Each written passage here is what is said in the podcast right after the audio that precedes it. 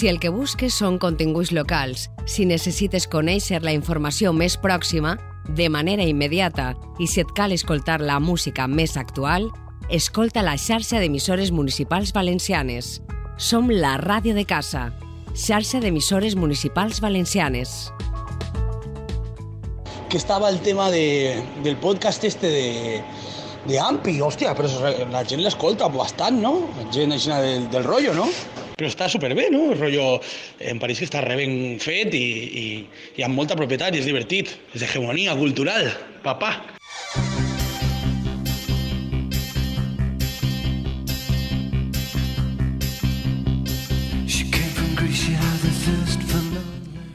El Nadal ens espera a la cantonada, amb totes les seues llums, compres i trobades. Dinars amb amics i amigues, compromisos amb col·legues de faena i també, com no, amb la família. Desembre està al caure i, ens agrada o no, hem, hem d'acabar reflexionant sobre la família, com farem en este programa. Este és, sens dubte, un dels grans temazos que ens travessen. La família, refugi o font de violència. Suport o rebuig, de tot això i molt més que pot ser una família perquè de famílies hi ha tantes com personetes. Tolstoi va dir allò de que totes les famílies felices s'assemblen, però cada família infeliç ho és a la seva manera. I potser tenia un pot de raó.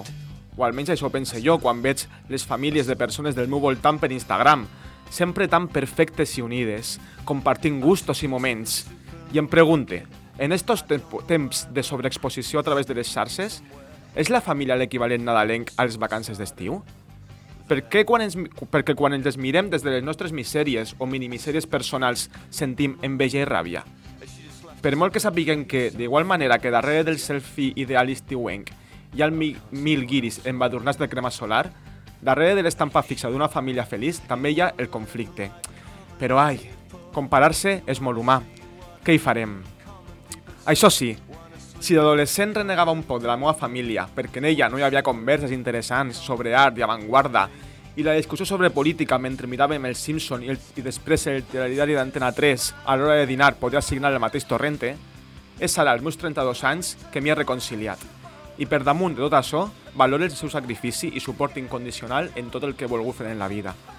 Perquè les relacions familiars estan vives, muden i evolucionen. I al remat, com sol dir-se, la família és fer-se.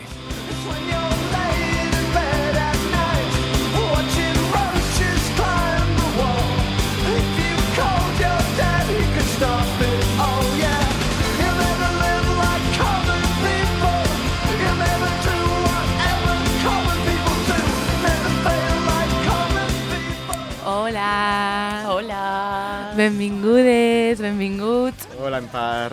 Un episodi més estem així en Ràdio Gadella i un nou episodi de Gent Random que comença.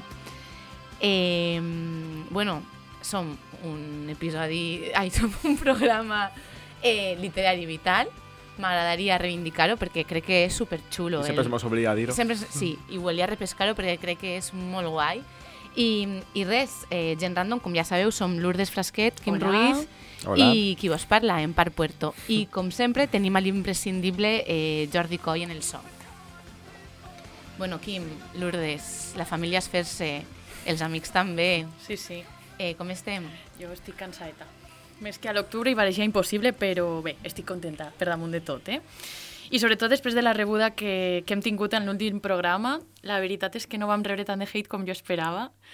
Tot i que hi ha, hi ha, hi ha, algun altre senyor que ja s'ha pres la llibertat de parlar-nos per privat, donar-nos opinions no demanades, i, bueno, no sé, jo crec que això que ens mans mansplaining és un bon senyal, no? És bon senyal, és senyal que anem fent les coses bé. No sé què en penseu. Mm, senyoros que se suposa que són aliades. Home, clar.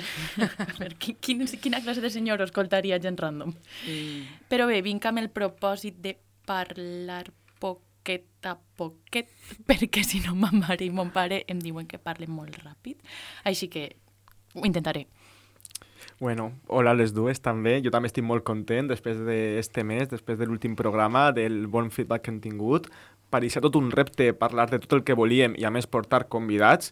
La primera cosa no la vam aconseguir perquè volia, el temps era limitat, però la segona estic prou content de com va quedar, van saber gestionar prou bé l'entrevista. Si no l'heu sentit, ara si fora youtuber apareixer aquí eh, la pestanyeta on podeu clicar. Podeu sentir l'últim episodi i és una cosa, lo d'incorporar noves veus, que hauríem de fer més sovint. Totalment. Per cert, en guany, ah, bueno, l'any 2022, any Fuster, any Joan Fuster. Se viene. Se viene un que ens passa a Valencianes volumen 2, Tocaria. eh, arroba Biblioteca Municipal de Sueca, arroba eh, Vicent Marçà, arroba gene- eh, AUL. ABL i tota...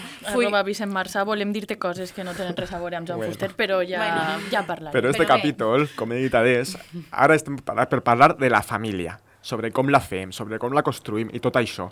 Així que una bona manera de començar a parlar d'això pot ser amb la Rosalia i les seues coses de família a Tekken, que mal que li pese a James Roach, a nosaltres aquestes coses pues, mos agraden molt, la veritat. Los secretos solo con quien puedas confiar. Más, más te vale no romper la muerta. Hay niveles para todo en esta vía. No jodemos con personas desconocidas. Ni un amigo nuevo, ni una haría. Ni un amigo nuevo, ni una haría. Ni un amigo nuevo, ni una haría. Ni un amigo nuevo, ni una haría. Bé, eh, a ritme de Rosalia. Dada Eh, curiosa que parlem de família, a ma abuela li deien Rosalia. Ah, bien. I, per cert, també parlant de Rosalia, en les gales aquestes que es van haver, que va, va, va passar en Mallorca o no sé què, Rosalia va anar a parlar amb Amaya i la Rosalia li, i Amaya li diu a Rosalia ay, qué pelo más bonito tiene tu madre. Y diu, sí, yo eso no lo he, no lo he heredado, tal, o sea, que ese pelo yo no lo tengo. Bueno, Ah, la herència la familiar amb familiar. Rosalia també. Per tant, bueno, eh, com, ja, com ja ha dit Quim, avui ens deixem portar pels meandres d'esta expressió popular que tots coneixem, la família La família Esferse. Esferse, diuen. Però, i pregunte, per què és tan complicat parlar de determinades qüestions amb els nostres pares? Em referisc als tabús i altres zones fosques i opaques que mai s'aborden, i ja no només parle de sexe, les típiques eh, eh, conversacions de sexe que, han de, que has de tindre amb els teus pares. Parle de qüestions més íntimes d'ells, no? de decisions, somnis truncats, que si s'abordaren igual ens ajudaria a entendre's millor els nostres pares i també de retruc a nosaltres. I és que, joder, l'herència familiar que arrosseguem moltes de nosaltres és heavy. Molts de nos, dels nostres iaios i iaies van viure, si no la Guerra Civil, tota la dictadura. I això ens ha deixat unes seqüeles molt fortetes i moltes mancances i torpeses afectives. De vegades ens queixem de les relacions de merda que tenim amb els nòvios, amb els amics, però és que el primer espai de socialització que tenim és amb la família. Família. Amb la família i amb tot el que això comporta. Jo crec que el què diran és una llosa molt gran dels pobles de nosaltres. I al final en totes les cases passen coses, però ningú no les conta mai perquè no es malparle. I el més ab- absurd de tot és que al final tot se sap, no? Però em fa gràcia perquè és com que a les esquenes sempre hi ha xiu-xiuetjos, com quan et conten és que la filla de tal és, resulta que és lesbiana. No? I com que ho diuen en veu baixeta, no? com, Estos dos s'entenen. estos dos, pe- però ja tens, ja tens noviet, no? I uf, la qüestió, jo crec que tots estos tabús només generen frustracions, perquè al final t'acabes pensant que l'única casa on passen coses i on hi ha males, mals rotllos, no, esta casa, i no és així.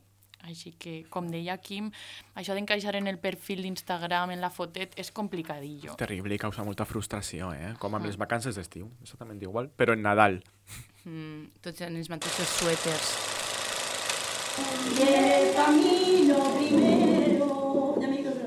Mientras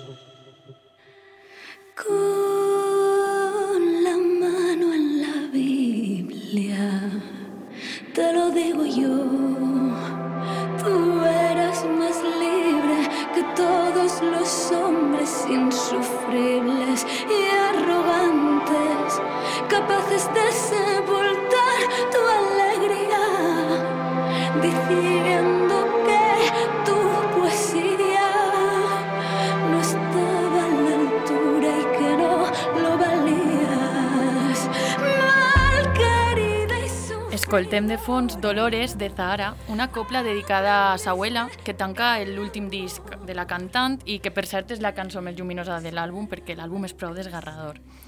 Jo crec que el gènere que ha escollit per homenatjar la seva àvia no és casualitat, ja que la copla i el couplet foren durant molt de temps gèneres musicals subversius a través del, dels quals les dones s'expressaven amb pràcticament total llibertat i on trobaven refugi mentre treballaven dins o fora de casa. Eh, Per cert, escolteu el capítol que li dediquen a estos gèneres en Les dones i els dies de Catalunya Ràdio, meravellós. Si no heu escoltat el programa, vos el recomano molt Ens ho apuntem. però qui també cantava coples mentre cuinava era Hermínia, la iaia materna d'Anna Penyas i una de les dues protagonistes de Estamos todas bien, el llibre de què vos vull parlar avui. Jo pense que Anna Penyas no necessita gaire presentació, és il·lustradora valenciana, autora de diversos llibres il·lustrats i primera dona a guanyar l'any 2018 el Premi Nacional de Còmic, a la qual cosa ella respon que quina tristesa que cap altra l'hagi guanyat abans. En precisament aquest llibre, Estamos todas bien, eh, va ser eh, com va ser guardonada, no? Recentment n'ha publicat un altre, Todo bajo el sol, que tinc pendentíssim, però que encara no m'he pogut aturar a llegir perquè tot va molt ràpid últimament. Però tu sí que te l'has llegit, no, Quim? Sí, fa poc me'l vaig llegir i, i de fet molta gent m'ha dit que per què no vam parlar d'ell al capítol de setembre, el de l'estiu. És de veres, a mi també m'ho han Sí, dit. perquè haguera casat molt bé perquè és un relat superxulo de com ha canviat les nostres vides els els últims 50 anys, com ha canviat les nostres ciutats a través del turisme i per tant és un llibre que des d'ací també recomanem a tot el món. Fa poquet a més, Anna Penyas va anunciar que a l'octubre de 2022, junt a Alba Herreros, exposaran en l'IBAM eh, en una casa, una genealogia del treball de la llar i les cures. Es tracta d'un projecte on es troben la il·lustració i el còmic amb l'arxiu i la memòria oral. La veritat és que ho esperem amb moltes ganes, veritat, Ahí em sembla interessantíssim. I en realitat un poquet amb aquesta mateixa en aquesta mateixa línia eh, va Estamos todas bien, un retrat de la vida passada i de la quotidianitat actual de Maruja, la iaia paterna, i d'Hermínia, la iaia materna d'Anna Penyas. En una de les vinyetes, Maruja li pregunta a la seva neta ¿Y por qué no escribes mejor una historia de amor? Pero la neta li respon que, que és que historias de amor ya hay muchas, ¿no? Pero de abuelas no. No sé què en penseu d'això Que vosaltres. necessari, eh? Que és veritat, sempre aquestes veus amagades de la història oficial que mai han protagonitzat els grans relats i que, sin embargo, han estat sempre allà darrere i que gràcies a elles s'ha sustentat la vida de tantes persones. Exactament, no? Eh, jo crec que les iaies han estat peces fonamentals, com tu comentes, eh, les cures i les moltíssimes hores de treball domèstic que mai ningú no ha reconegut ni per descomptat s'han remunerat, però pareix que això no ha sigut eh, motiu suficient per mereixer un lloc central en les nostres narratives. Ja varen parlar també en el primer capítol d'esta temporada de l'article de Berta Gómez en el diario.es on parlava de la figura de les iaies en la narrativa millennial, arran de Bode Vieja o de Panza de Burro, però és de veres que en aquestes obres són personatges secundaris, al contrari que en Estamos todas bien, on són les dues protagonistes. Uh -huh. eh, Maruja i Hermínia, de fet, encarnen dues personalitats oposades. Maruja és més aspra, més taxativa, i xoca de front amb Hermínia, que és molt més vital i molt més alegre. Eh, Anna Penyas no les presenta sense més, sinó que a través de la història de cadascuna acabes d'entendre perfectament per què són com són. No? M'agrada molt com eh, Anna Penyas no presenta una imatge idealitzada de les iaies, de la iaia adorable, no? sinó que les tracta tal com són, però tampoc les jutja. I em pareix complicadíssim no? tractar un personatge, damunt un personatge real que existeix, sense caure en una ide- idealització, ja estic parlant ràpid, sense caure en la idealització. I en el judici, no? Ni en el Cal judici. molta empatia i molta comprensió. I no sé si vos passa, però a mi un poc sí que m'ha passat que amb el pas del temps he arribat a entendre millor les meues iaies, ma mare, Totalment. mon Quan ja pare. estan mortes, al final les entens un poc. Sí. Vull dir que al final és el típic que hasta que no han faltat no les valores. Sí, has de fer un repàs familiar per a poder empatitzar, perquè si no eh, és molt fàcil el caure en el retret fàcil. Mm, I en la ràbia, no? Sí. Al llarg del llibre se li dona moltíssima importància a la quotidianitat, a través dels detalls del dia a dia, és com se'ns presenten realment les protagonistes. Els medicaments del matí, les tasques domèstiques, la xerraeta amb les amigues, ja siga al banc, al banc de la plaça o al bar. Tot i les amigues, se't queda un gustet una miqueta amarg amb els La vida és avorrida, eh? que diu Maruja. O quan Hermínia intenta convidar a dinar sempre la família, les netes, les filles, i mai acaba de rebre una resposta afirmativa. Jo crec que la soledat durant la vellesa també és un dels temes que travessen mm. aquesta història i una por, no? Una gran Totalment. por. Tal I l'edadisme aquest també, que està Mm. ara Sí. molt present. Sí. Tanmateix, Estamos todas bien no és un retrat íntim i familiar, o com a mínim jo crec que no és només això, i és que amb aquesta obra Anna Penyas pretén fer un exercici de memòria històrica a través de la vida de dues dones que aparentment no feren res ressenyable. I com pot fer això? Doncs perquè el que és personal és polític. Que Maruja es casara amb el metge del poble per escapar d'una vida servint darrere de la, barra de, de la barra del bar de sa tia a canvi de viure una vida avorrida i desgraciada perquè realment no s'estimaven, fou una qüestió de classe i, un, i ahir hi ha un viatge de gènere brutal, no ens equivoquem. I d'altra banda, que Hermínia patira cada vegada que les filles eixien a pegar cartells contra la dictadura moribunda, no és perquè ai, és que les mares patidores valencianes, eh, arroba Eugeni Alemany, Totalment. és perquè és que fins fa no molt vivíem en un règim, eh, en un règim dictatorial nacional catòlic que va instaurar una política del terror de manera molt i molt eficaç i jo crec que aquesta por encara la Això tenim. queda. O les xiquetes d'Alcàsser. És que venim de trau diferent, diferents traumes generacionals que han marcat eh, on estan les nostres mares i abueles. Sí, respecte al que estaves dient, eh, l'altre dia estava llegint un article, que no sé si era, no ho sé, no me'n recorde, però parlava de com les dones de la postguerra anaven narcotitzades hasta dalt del cap, o sigui, Ja sé el és. sí, que parlava de Carmen Laforet i de Sí, Carmen, sí, i de i Carmen, Nada. i de Carmen, de Sí. Nada i de Carmen Mar- Martín Gaite i crec que la mateixa Carmen Laforet va haver de prendre's, o sigui, anaven a la farmàcia o el metge i deia prente, prente això que t'anirà bé per a, per a, Per als per a perdre, per als nervis o per a perdre pes i simplement era perquè si no la frustració que tenien dones educades en la república mm. i haver d'acabar com van acabar anaven totes, es veu que els ansiolítics anaven, vamos, i, eh, i que això jo crec que també expressa moltíssim eh, el relat de la dona, no? D'on venim? Les nostres constel·lacions familiars, les nostres herències familiars, sobretot vist des d'una perspectiva de gènere. Clar, o sigui que menys risetes amb això de les dones patidores perquè hem d'entendre d'on venim. Mm. I has esmentat eh, Carmen Martín Gaite i el llibre d'Anna Penyas comença amb una citació de Carmen Martín Gaite, dona a la qual també hem de reivindicar en este podcast mm. en algun moment.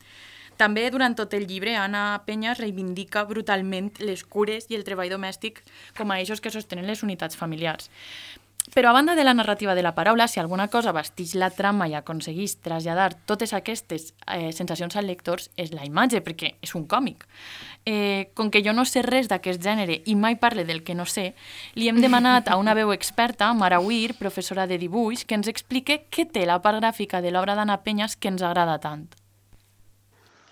Hola, gent random, com esteu? Bé, jo experta, experta realment no sóc, però sí estic, que l'Urdes Maliat i ahí anem. Bé, eh, bé, en quant a tècnica, ella utilitza eh, el que s'anomena transferència fotogràfica. Passa eh, d'una fotografia, la passa a un altre, a un altre material i a partir d'ahí ella elabora eh, els seus dibuixos, no? fa una espècie de collage generant unes textures que, que ens resulten molt properes. Això se, se veu molt clarament en, en els elements de la publicitat que hi ha, com pugui ser eh, el, eh, se veuen el Fari, eh, les dietes del Corte Inglés, algunes publicitats eh, se nota moltíssim que, que, que prové d'una fotografia que és real i jo crec que això genera un, un tipus de, de sensibilitat no? per al lector perquè fàcilment podria ser eh, identificable per a poder reconèixer no? els, els elements de, pues això, del paisatge, de la publicitat, de les cares inclús. En quant al color, eh, jo crec que l'utilitza eh, d'una manera molt, molt eh, encertada, ja que diferencia eh, els dos personatges principals, que és Maruja, que utilitza els colors rosats per a ella, i Hermínia els tonos ocres. I quan parla d'una o quan parla de l'altra, està, eh, està identificat eh, per el color, no? sols és blanc i negre i xetó. I després, quan està parlant del passat, estos tonos són més, més saturats, entonces això ens permet identificar clarament de quin s'està parlant. Jo crec que també eh, és molt important no? que, que al final el seu còmic és un, és un tipus de, de representació que és, és molt més eh, elaborat no? que un còmic de, de línia fina, per tant és, pues això, és, una, és molt més curosa en cada vinyeta i cada pàgina quasi, quasi podria ser un quadre. Una cosa que a mi em va cridar molt la- l'atenció és que al final, eh, bueno, dins del còmic, entre vinyeta i vinyeta n'hi ha silencis, no? que això permet que el lector eh, genera el seu propi relat a partir del seu imaginari eh, i hagués per això, no? eh, l'art seqüenciat de, del còmic i en este, en este cas eh, Anna sí que genera molts silencis entre accions llargues com pugui ser el viatge eh, en cotxe que fan son pare eh, a veure a, a una de les seues àvies mentre que, per exemple, dedica pàgines senceres a centrar-se en detalls que diríem que no tenen importància, però sí que en tenen en el seu llibre, que, que són aquests elements quotidians com pugui ser que Hermínia eh, és vist, s'arregla, no? com està tots els elements, com ella s'està posant el sujetador, com després eh, se pinta els llavis i tots aquests detalls no? que són, són tan preciosos, o quan està obrint la porta, no? que ha soles se veuen les portes i, i com està ella obrint i tirant la clau i després se deixa la clau, no? Aquestes coses eh, jo crec que demostren que se centra no, en aquesta quotidianitat que té molta més importància que pot ser les accions. Bé, jo crec que ja no ens calen més motius per llegir Estamos todas bien. Moltes gràcies, Mara Uir, per la teua aportació.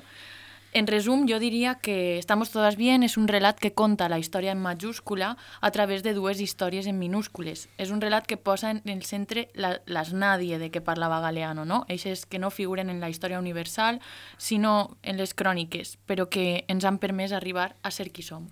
No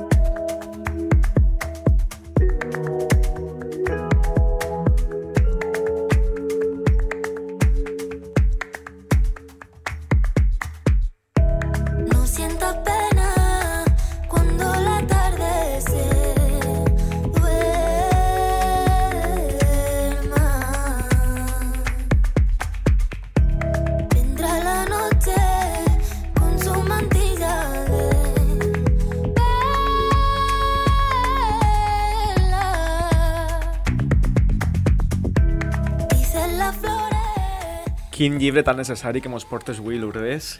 Que necessari que és recuperar aquesta microhistòria de tantes dones que, amb el seu esforç, han construït les nostres vides presents.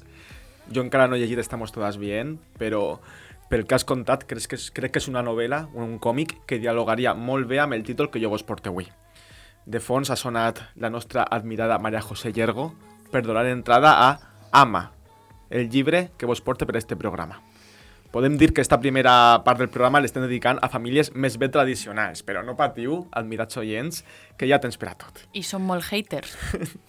Ama, que en euskera vol dir mare, i també és la tercera conjugació del verb amar en castellà, va ser la primera novel·la de José Ignacio Carnero, que per cert acaba de publicar-ne una nova que és una espècie de continuació del protagonista d'esta, Hombres que caminen solos.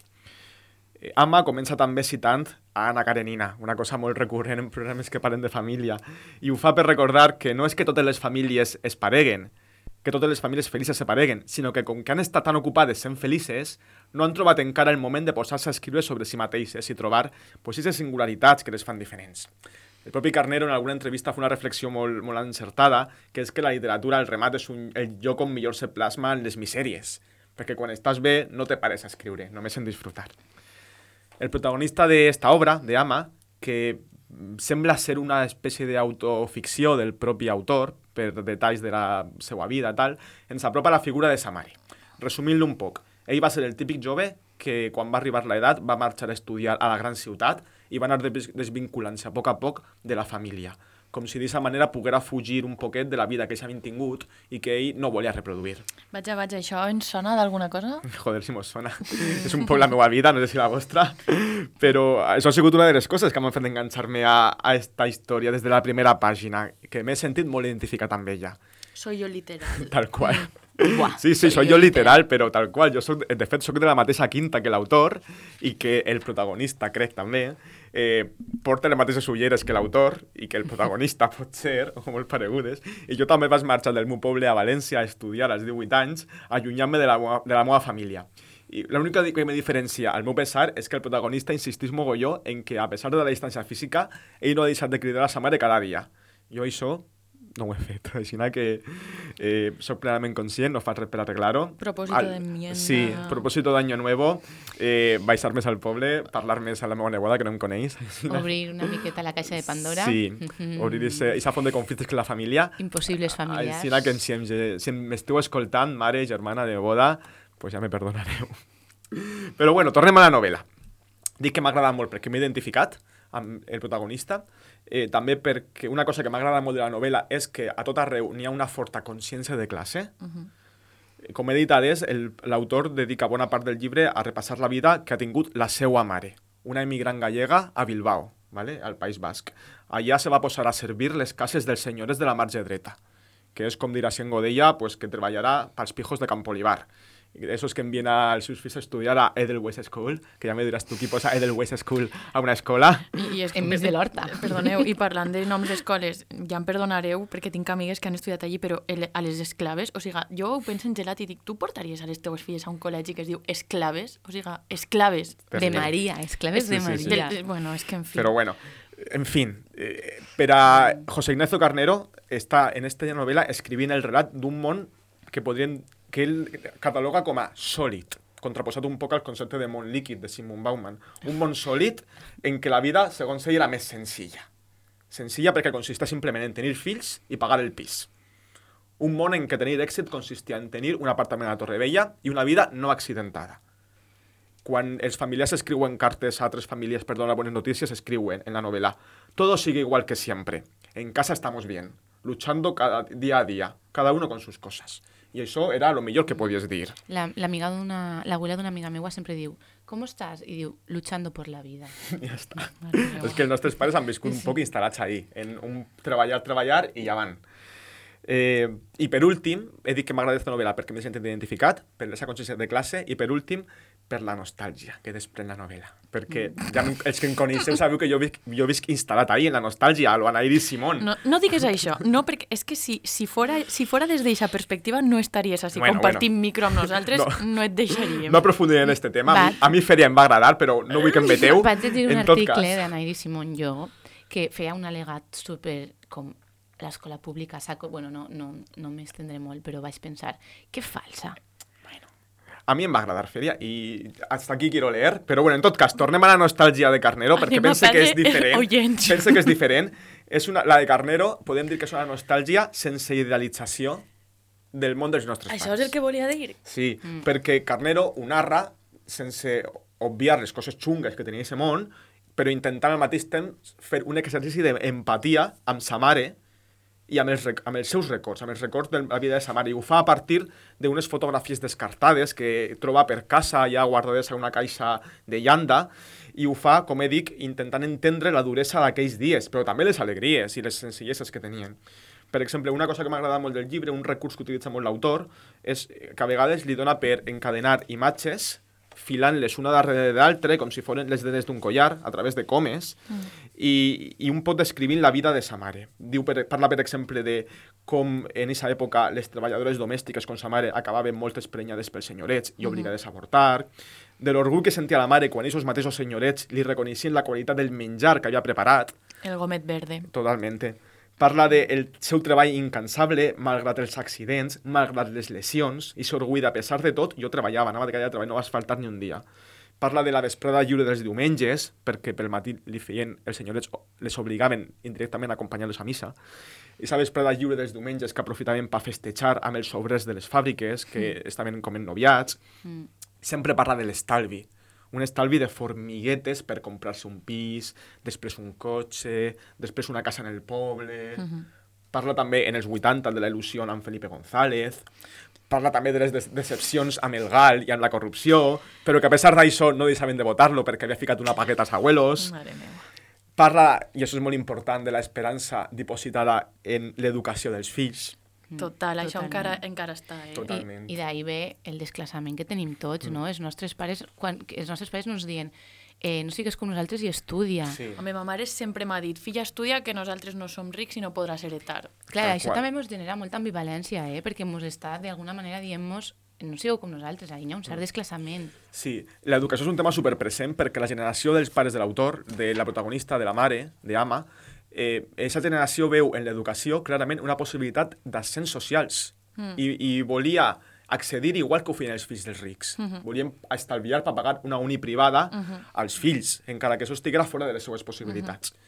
Al principi del llibre, per exemple, hi ha una imatge molt bonica que explica com els pares de tots els que anaven a estudiar a Madrid esperaven en la parada d'autobús de l'Alça que tornaven els fills per recollir-los i que al final de veure's cada dia pues, acabaven fent amics els pares i eh, anaven ahí eh, presumint de lo pagats que estaven dels fills, que anaven ahí en traig i corbata, i tots els pares eren obrers de la marxa esquerra, que estaven orgullosos de que el seu fill tinguera un màster.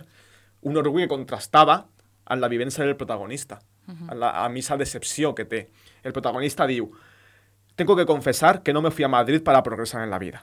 Me fui porque estaba seguro de que allí me iba a divertir más. El resto de cosas vinieron sin tan siquiera haberlas deseado. Pero a mi madre siempre pensó que yo me fui a Madrid a buscarlas. Por eso, aunque me vaya bien en la vida, siempre pienso que la estoy defraudando. I en estos anys 20 que estem vivint ara, quan l'ascensor social a través de l'educació està més que trencat. aquestes aspiracions dels pares ens poden semblar ingènues, entranyables però ingènues. Totalment. Porque como dijo el protagonista, y cite, nuestros padres vinieron al mundo a trabajar, nosotros a divertirnos. Es lo mejor que podemos hacer, pues ellos eran pobres, pero al menos tenían la certeza de que el futuro iba a ser mejor. Nosotros, en cambio, tenemos de todo, pero vemos el futuro negro, y por eso quemamos cada noche como si fuera la última.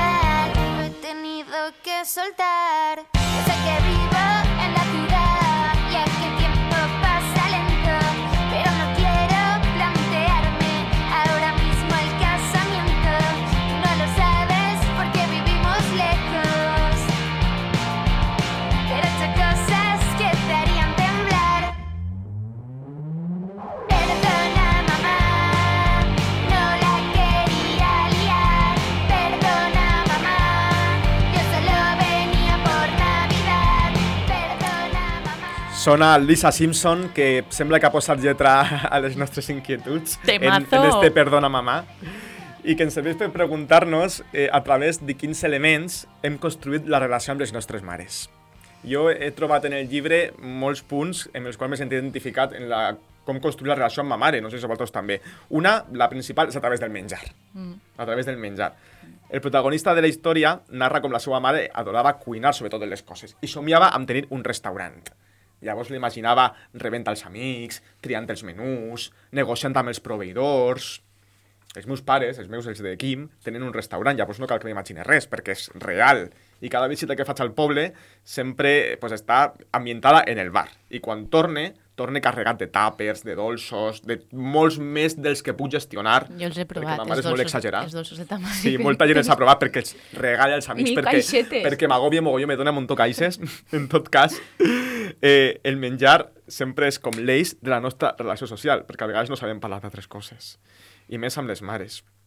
I les imaginem a la cuina, i tal com explica Carnero en este llibre, les imaginem amb davantal, amb la cullera de fusta, tallant verdura, posant-se les ulleres per llegir receptes, És- forçant la vista, no? Això em va semblar tan, tan entranyable quan vaig llegir el guió. Que és una imatge que pense que tots Sí, jo m'imagino a abuela totalment. M'encantaria que ma abuela poguera escoltar això que dius. Sí, és que per moltes dones la cuina ha sigut tradicionalment el lloc on la seva autoestima s'ha vist reforçada, I on on canta- s'han sentit les ames, Total. On cantaven les coples. on cantaven també, sempre la cuina amb la música acompanyada, no?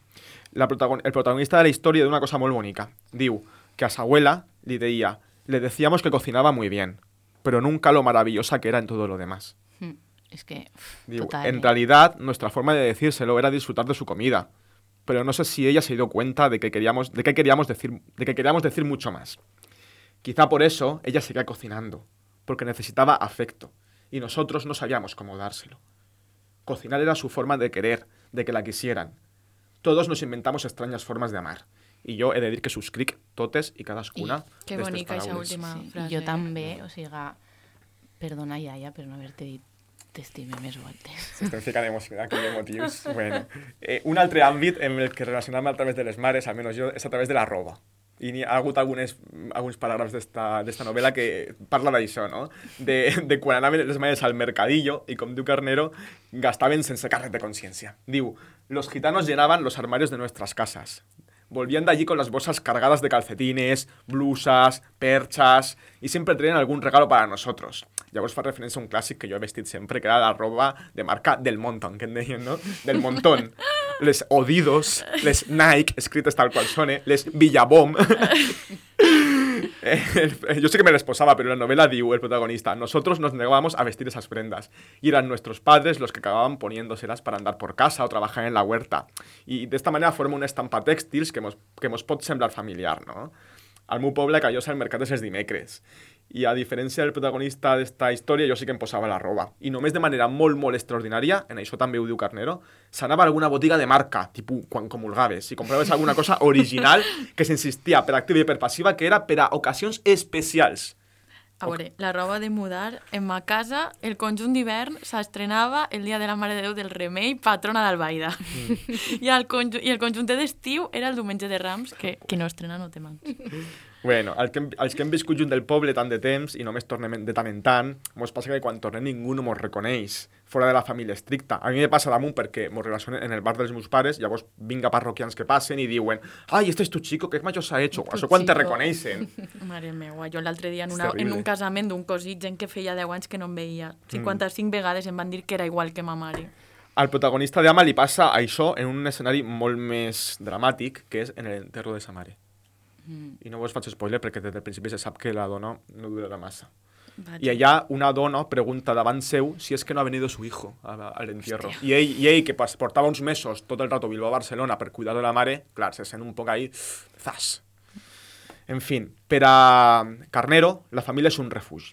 Un refugi del que sovint no ha sigut conscient, com passa a tants joves. Al final del llibre fa una reflexió molt bonica que ve a ser que els rics o la gent del nord d'Europa, tipus els alemanys, la gent de la, part, de la part alta de Barcelona, no necessiten tant la família, perquè la seva fortuna els dona seguretat.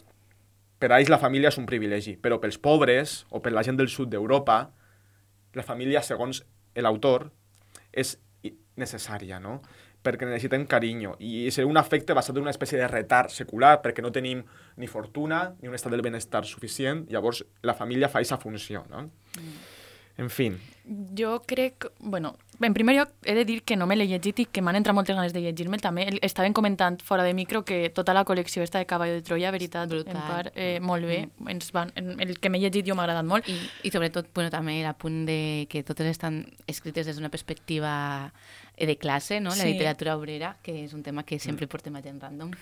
Eh, però jo hi entenc des de l'experiència personal i compartisc en certa manera el que diu Carnero, perquè jo també, quan penso en tornar a ma casa dels meus pares, penso en el meu refugi i en el meu lloc on estar sana i estàlvia, no? Però crec que cal anar amb compte amb afirmar que la família és sinònim de refugi, perquè no per a tothom sempre és així i, i no per a tothom de, de classe obrera és així. O sigui, quanta classe de gent... Eh, quanta, ui, quanta classe de gent, perdoneu, ja estic parlant ràpid. Quanta gent de classe baixa viu l'entorn familiar com una presó, no? O sigui, la família pot ser, i en, molt, en molts casos ho és, un lloc ple de violències, des de les més explícites i físiques mm. fins a les més invisibles. Crec que per damunt de tot les persones necessitem estima, estima vincles i afectes, i és molt dur pensar que tot això ha de vindre imperativament de la família. És una herència catòlica uf, heavy també, eh? I jo per això defenc l'expressió que dona títol al nostre programa, i és que la família és fer-se. Pense que els vincles familiars moltes vegades no te'ls dona la sang, i pense que això s'ha de reivindicar i els hem de donar una centralitat en les nostres vides, desjerarquitzant d'una vegada els afectes, telefonem les nostres mares si ens ens estimem, però, però valorem també famílies que no siguen de sang, no? Ara, ara parlarem d'això. sí, ara. jo subscric totalment les teves paraules, Lourdes, i aprofitaré per acabar este blog mm, citant simplement dos llibres que m'han encantat últimament i dels quals parlarem en altres programes, ho promet, eh, i que van un poc per aquí. El primer parla d'una família que no és un refugi, sinó tot el contrari. És la novel·la recentment, recentment guardonada amb el Premi Alfons el Magnànim, Els dies bons, de Aina Fullana, una jove escriptora mallorquina, on reflecteix molt bé com la família és tot el contrari. És un joc de rebuig, d'ansietat, de problemes. De veritat, esta novel·la no parlaré més, però apunteu-la, busqueu-la, llegiu-la i en algun moment buscaré l'excusa per parlar-ne perquè m'ha encantat. Molt de hype amb Vaina Sí, Fullana, sí, eh? sí. Tenim moltes ganes de llegir-la en Parillo. I l'altre llibre és el de Existiríamos el mar, de Belén Gopegui, Ai. Que bonic, Ai? Estem, sí. Em pare està llegint-lo, jo el vaig acabar fa poc, Sí. i ahir la família és la família no triada. És un llibre que posa en el centre la importància dels afectes de la família que són els amics. Totalment. Importantíssims, els I, amics. I que més, eh, la, la pandèmia ha posat super de manifest que crec que és un llibre que va per postpandèmia total. Té reflexions brutals. Sí, jo crec que... Jo és que vaig per la pàgina 150 o per ahí, però les reflexions que fa és com per a llegir-les cada dia, no? És un llibre de butxaca, podria Molt ser. bé. Corrien com llops a la vora del riu, la cara bruta, el gest viu, camp a través, barrancs amb patinet, argelagues i bassals i els pantalons desfets. A comunions, només de convidats, a l'església vam entrar, una volta a esquadrinyar, fill meu, on vas, on has anat a parar? Mala basco ja em vaig emportar, nyas, a mi em cuidava en paro a l'eixir de l'escola, quan a Carmela li s'allargava la faena, no em quedava altra. Eh, bueno, m'han agradat molt les històries que heu contat. Eh, M'ha fet molt pensar en ma abuela, que era la que sempre em portava l'entrepa a l'institut quan se m'oblidava. Ella patia molt de les cames i he de dir que jo vivia a Bocairent, per tant era tot pujada des de sa casa al meu institut i així tot ella em portava l'entrepa cada, cada dia que se m'oblidava, que eren molts. O sigui que, bueno, i això, molts de nosaltres venim d'ahir, vale? de les famílies tradicionals, ja ho hem dit, i ho dic sense cap tipus de menyspreu, òbviament. Hem vist com encara els nostres pares han hagut de fer molts esforços per seguir amb allò que s'havia de fer, ah, per seguir en la tradició, per tal de no, de, de no donar cap disgust als seus pares. Eh, però arriba un moment que allò que, anem, que anomenem tradició, que és el que estaves dient tu, Lourdes, eh, comença a apretar i a fer-nos invisibles i fins i tot a exercir una certa violència sobre nosaltres. Total. I necessitem altres respostes i altres maneres d'expressar-nos i de representar el parentesc. I en busca d'aquestes respostes vaig arribar jo al llibre dels argonautes, de l'escriptora nord-americana Maggie Nelson. És un llibre editat per l'altra editorial i traduït per Marina Espasa. I el llibre s'escriu en l'any 2015, poc després que es restablirà el dret al matrimoni homosexual als Estats Units.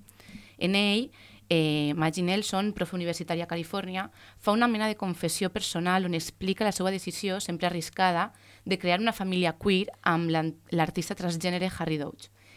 Bé, el que més m'ha agradat de, del llibre és la manera de com barreja la història personal, és a dir, eh, ella diu el que, ses, el, que, el que sent, una necessitat de reivindicar-se com a dona lesbiana enamorada d'un home trans, i per altra banda el que pensa. I precisament, aquest pensament ve emparat i reforçat al llarg del llibre per les teories de les grans mares multigèneres com Judith Butler, Paul, Paul Preciado, Foucault, entre molts altres. Eh, M'agrada el llibre perquè fa baixar de la talaia intel·lectual a totes aquestes pensadores i les posa en paral·lel a les qüestions quotidianes i íntimes en un exercici de fer privat, de fer públic allò privat. Una vegada més, el que és personal Totalment. és polític. Pues si és, si és capaç d'estes autores, amb tot el que tenen d'intel·lectuals, que jo les llisc i moltes no les entenc, Sí. de baixar-les a la vida quotidiana, ole ella, ole, Sí. ole Maggie Nelson. Sí, no? ella també forma part de tota aquesta tradició eh, de pensament i de teories acadèmiques. Per tant, ella barreja la teoria acadèmica, que la té molt per la mà, amb la seva història personal, no? Eh, I clar, la seva història personal no és gens fàcil reivindicar-la en un context ultrareaccionari que vivim i de replegament de la família tradicional i dels valors fundacionals. Ja vau veure l'any passat tota aquella penya saltant el Capitoli als Estats Units i també, eh, com que posa de manifest a tota la comunitat LGTBI, eh, també eh, el cost emocional que s'ha de pagar eh, per ser una persona trans no és gens fàcil. L'altre dia eh, llegia que més d'un 40% de persones trans han patit o pateixen depressió. Per tant, eh, aquest assaig eh, posa el focus en la, en la identitat, que és el temasso de la nostra contemporaneïtat com a identitat com a concepte en disputa, que per cert, escolteu eh, l'últim episodi sobre la identitat dels companys de Radio Pólvora. Ojo, que comencem citant a Foucault i acabem com ell. Sí, bueno, bueno. Bueno, no som tan sabudes, eh, que ells saben molt. Bueno.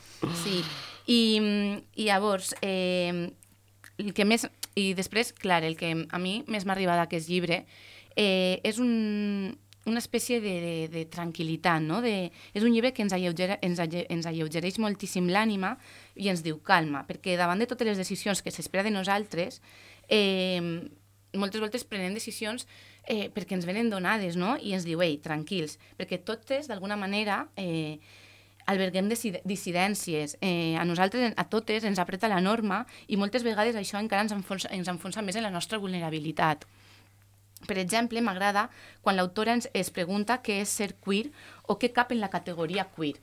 I diu, el concepte queer hauria d'incloure tota mena de resistències i de fractures i de desequilibris que tenen bon, bon, bon poc o res a veure amb l'orientació sexual. El moviment queer és recurrent, és contracorrent i és troublant. Troublant suposa que vindrà del francès i de l'anglès trouble, que és conflictiu, no? I m'agrada eh, record, recordar, no?, o pensar-nos en aquesta identitat en disputa, en conflicte, eh, perquè en un sistema que intenta assimilar-ho tot per després homogenitzar-ho, tots ens veiem en aquest conflicte de representació, de què som. I, de fet, explica que la consciència de gènere és inconstant, és a dir, no pots viure 24-7 impregna- impregnada de la consciència del teu sexe. És a dir, jo performe un gènere femení, per exemple, perquè el performe, no? Eh, però perquè estic repetint eh, unes normes de gènere que, consta, que normalment han sigut opressives. Uh -huh. Per tant, jo estic repetint, estic performant un gènere femení, però és molt complicat, no? És cansat representar això que s'espera de tu sense mostrar cap fractura mai. Ser És sempre impossible. imple, implacable. Per això ser queer, més enllà de parlar de queer com l'orientació sexual, no? crec que hauria de ser una manera de viure, sempre des de les zones frontereres i des de la dissidència. Blau era un somni. Blau eres tu i somiaves. Deixa que hi torni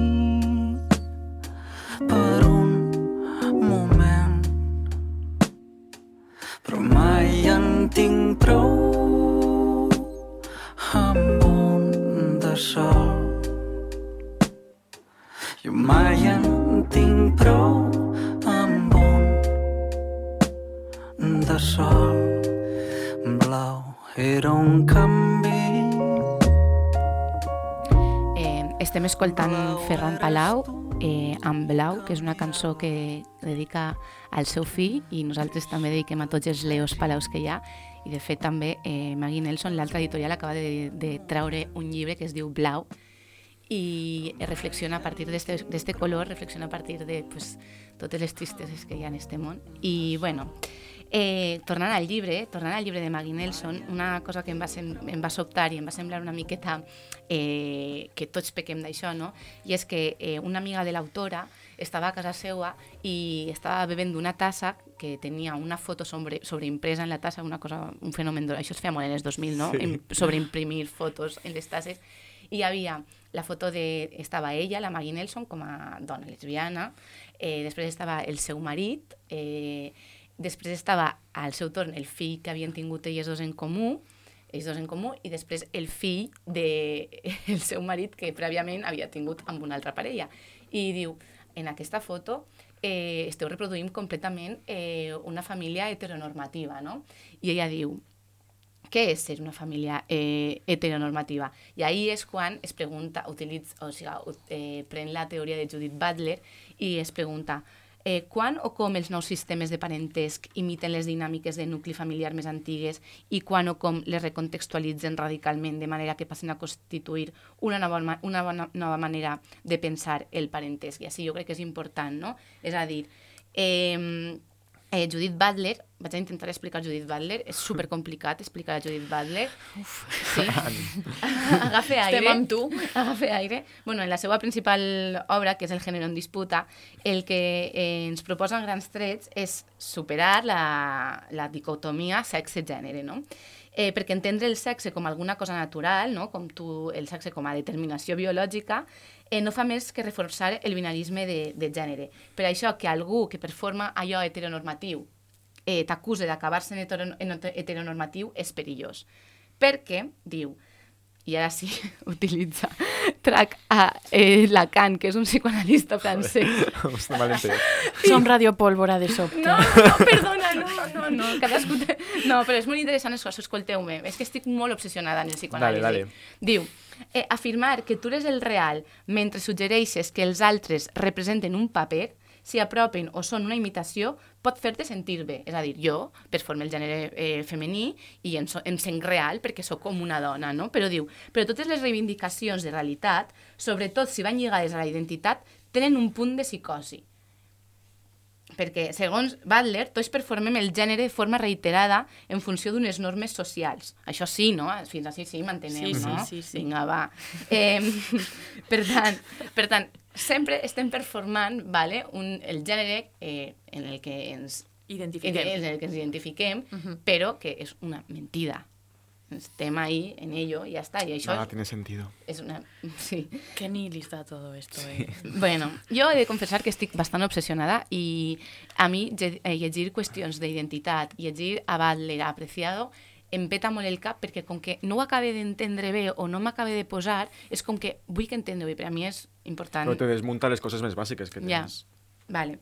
Eh, bueno, també el llibre eh, reflexiona moltíssim sobre la malaltia, sobre les transformacions del propi cos, eh, perquè, clar, recordem que eh, veiem com el seu marit, eh, bueno, és una dona, va néixer dona, vale? i passa per una operació que està inflada de testosterona, després veiem com ella es queda embarassada eh, per, fecu- per fecundació, llavors els cossos sempre estan en continu moviment, i dia, eh, per exemple, eh, els nostres cossos es van anar fent més estranys per a nosaltres mateixos, per a l'altre. A tu et van sortir pèls aspres a llocs nous i se't van desplegar músculs nous als malucs. A mi em van fer mal els pits durant més d'un any i tot i que ja no me'n fan, encara sembla que, que siguin d'algú altre. Durant any vas ser de pedra. Ara et treus la samarreta cada vegada que, ens, que tens ganes als espais, als, als espais públics i surts lluint músculs. Transformació total, no? Perquè Sí. eh, un poc la idea esta de la idea de la que, que la família és fer-se se pot llegir també no només com adaptar-se al tracte amb les persones, sinó també als canvis que s'hi donen, que, Sí. als canvis que pateixen les persones, canvis inclús Eh, físics, corporals. biològics, sí. Eh, no sé, me ve al cap quantes famílies heteronormatives que coneixem s'han anat transformant en els últims anys. Mhm. Parle de canvis d'orientació sexual, de transicions de gènere, amb el, entre els Mhm. membres de la, de la parella o amb els fills, no? I com l'acceptació d'això significa eh, una mostra de respecte, no? Sí. Sí. Adaptar-se, a, a fer-se esa família. Sí, d'alguna manera. Després també eh, parla moltíssim de les maternitats sodomítiques, que això no em va quedar del tot clar, però sí que més o menys després ho vaig entendre, que parlava de donar espai a certs erotismes que la, la, la heteronorma ha, ha, ha, diguem, ha rebutjat. No? I et diré un fragment, perquè, bueno, un petit fragment, perquè, eh, perdó, mamà o papà, no, no s'escandalitzeu, però diu eh, no m'interessa una hermenèutica o una, o una eròtica o una metafòrica del meu cul. M'interessa follar pel cul. Vull dir, Clar i ras. li interessa, és a dir, que crec que posa en el centre no, el, que, el que necessiten expressar també. No?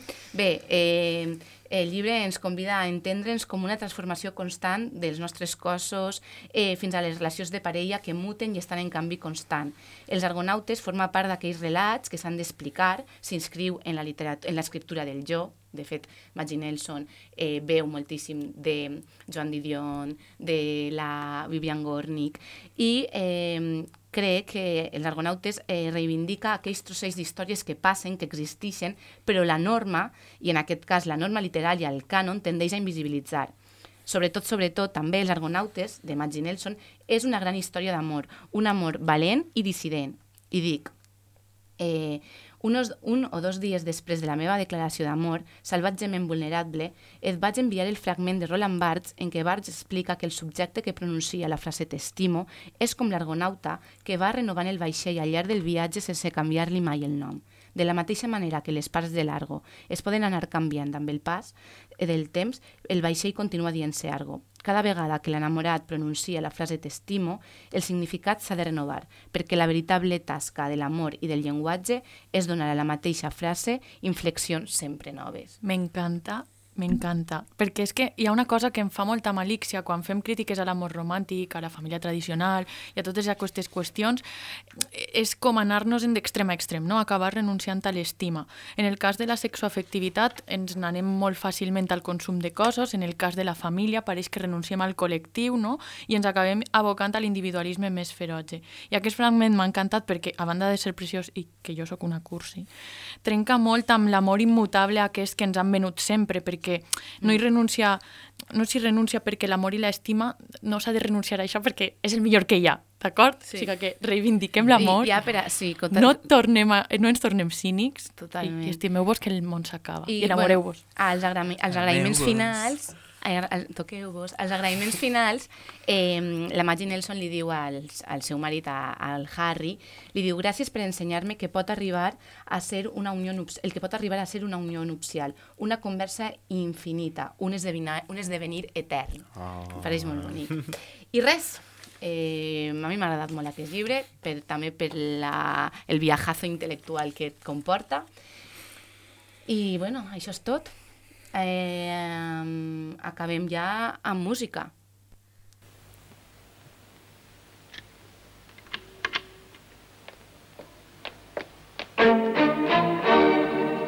La verità mi fa male, lo so.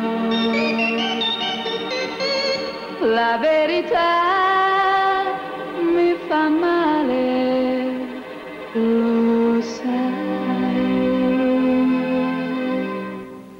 Nessuno mi può giudicare, nemmeno tu. La fa male, lo so. Lo so che ho sbagliato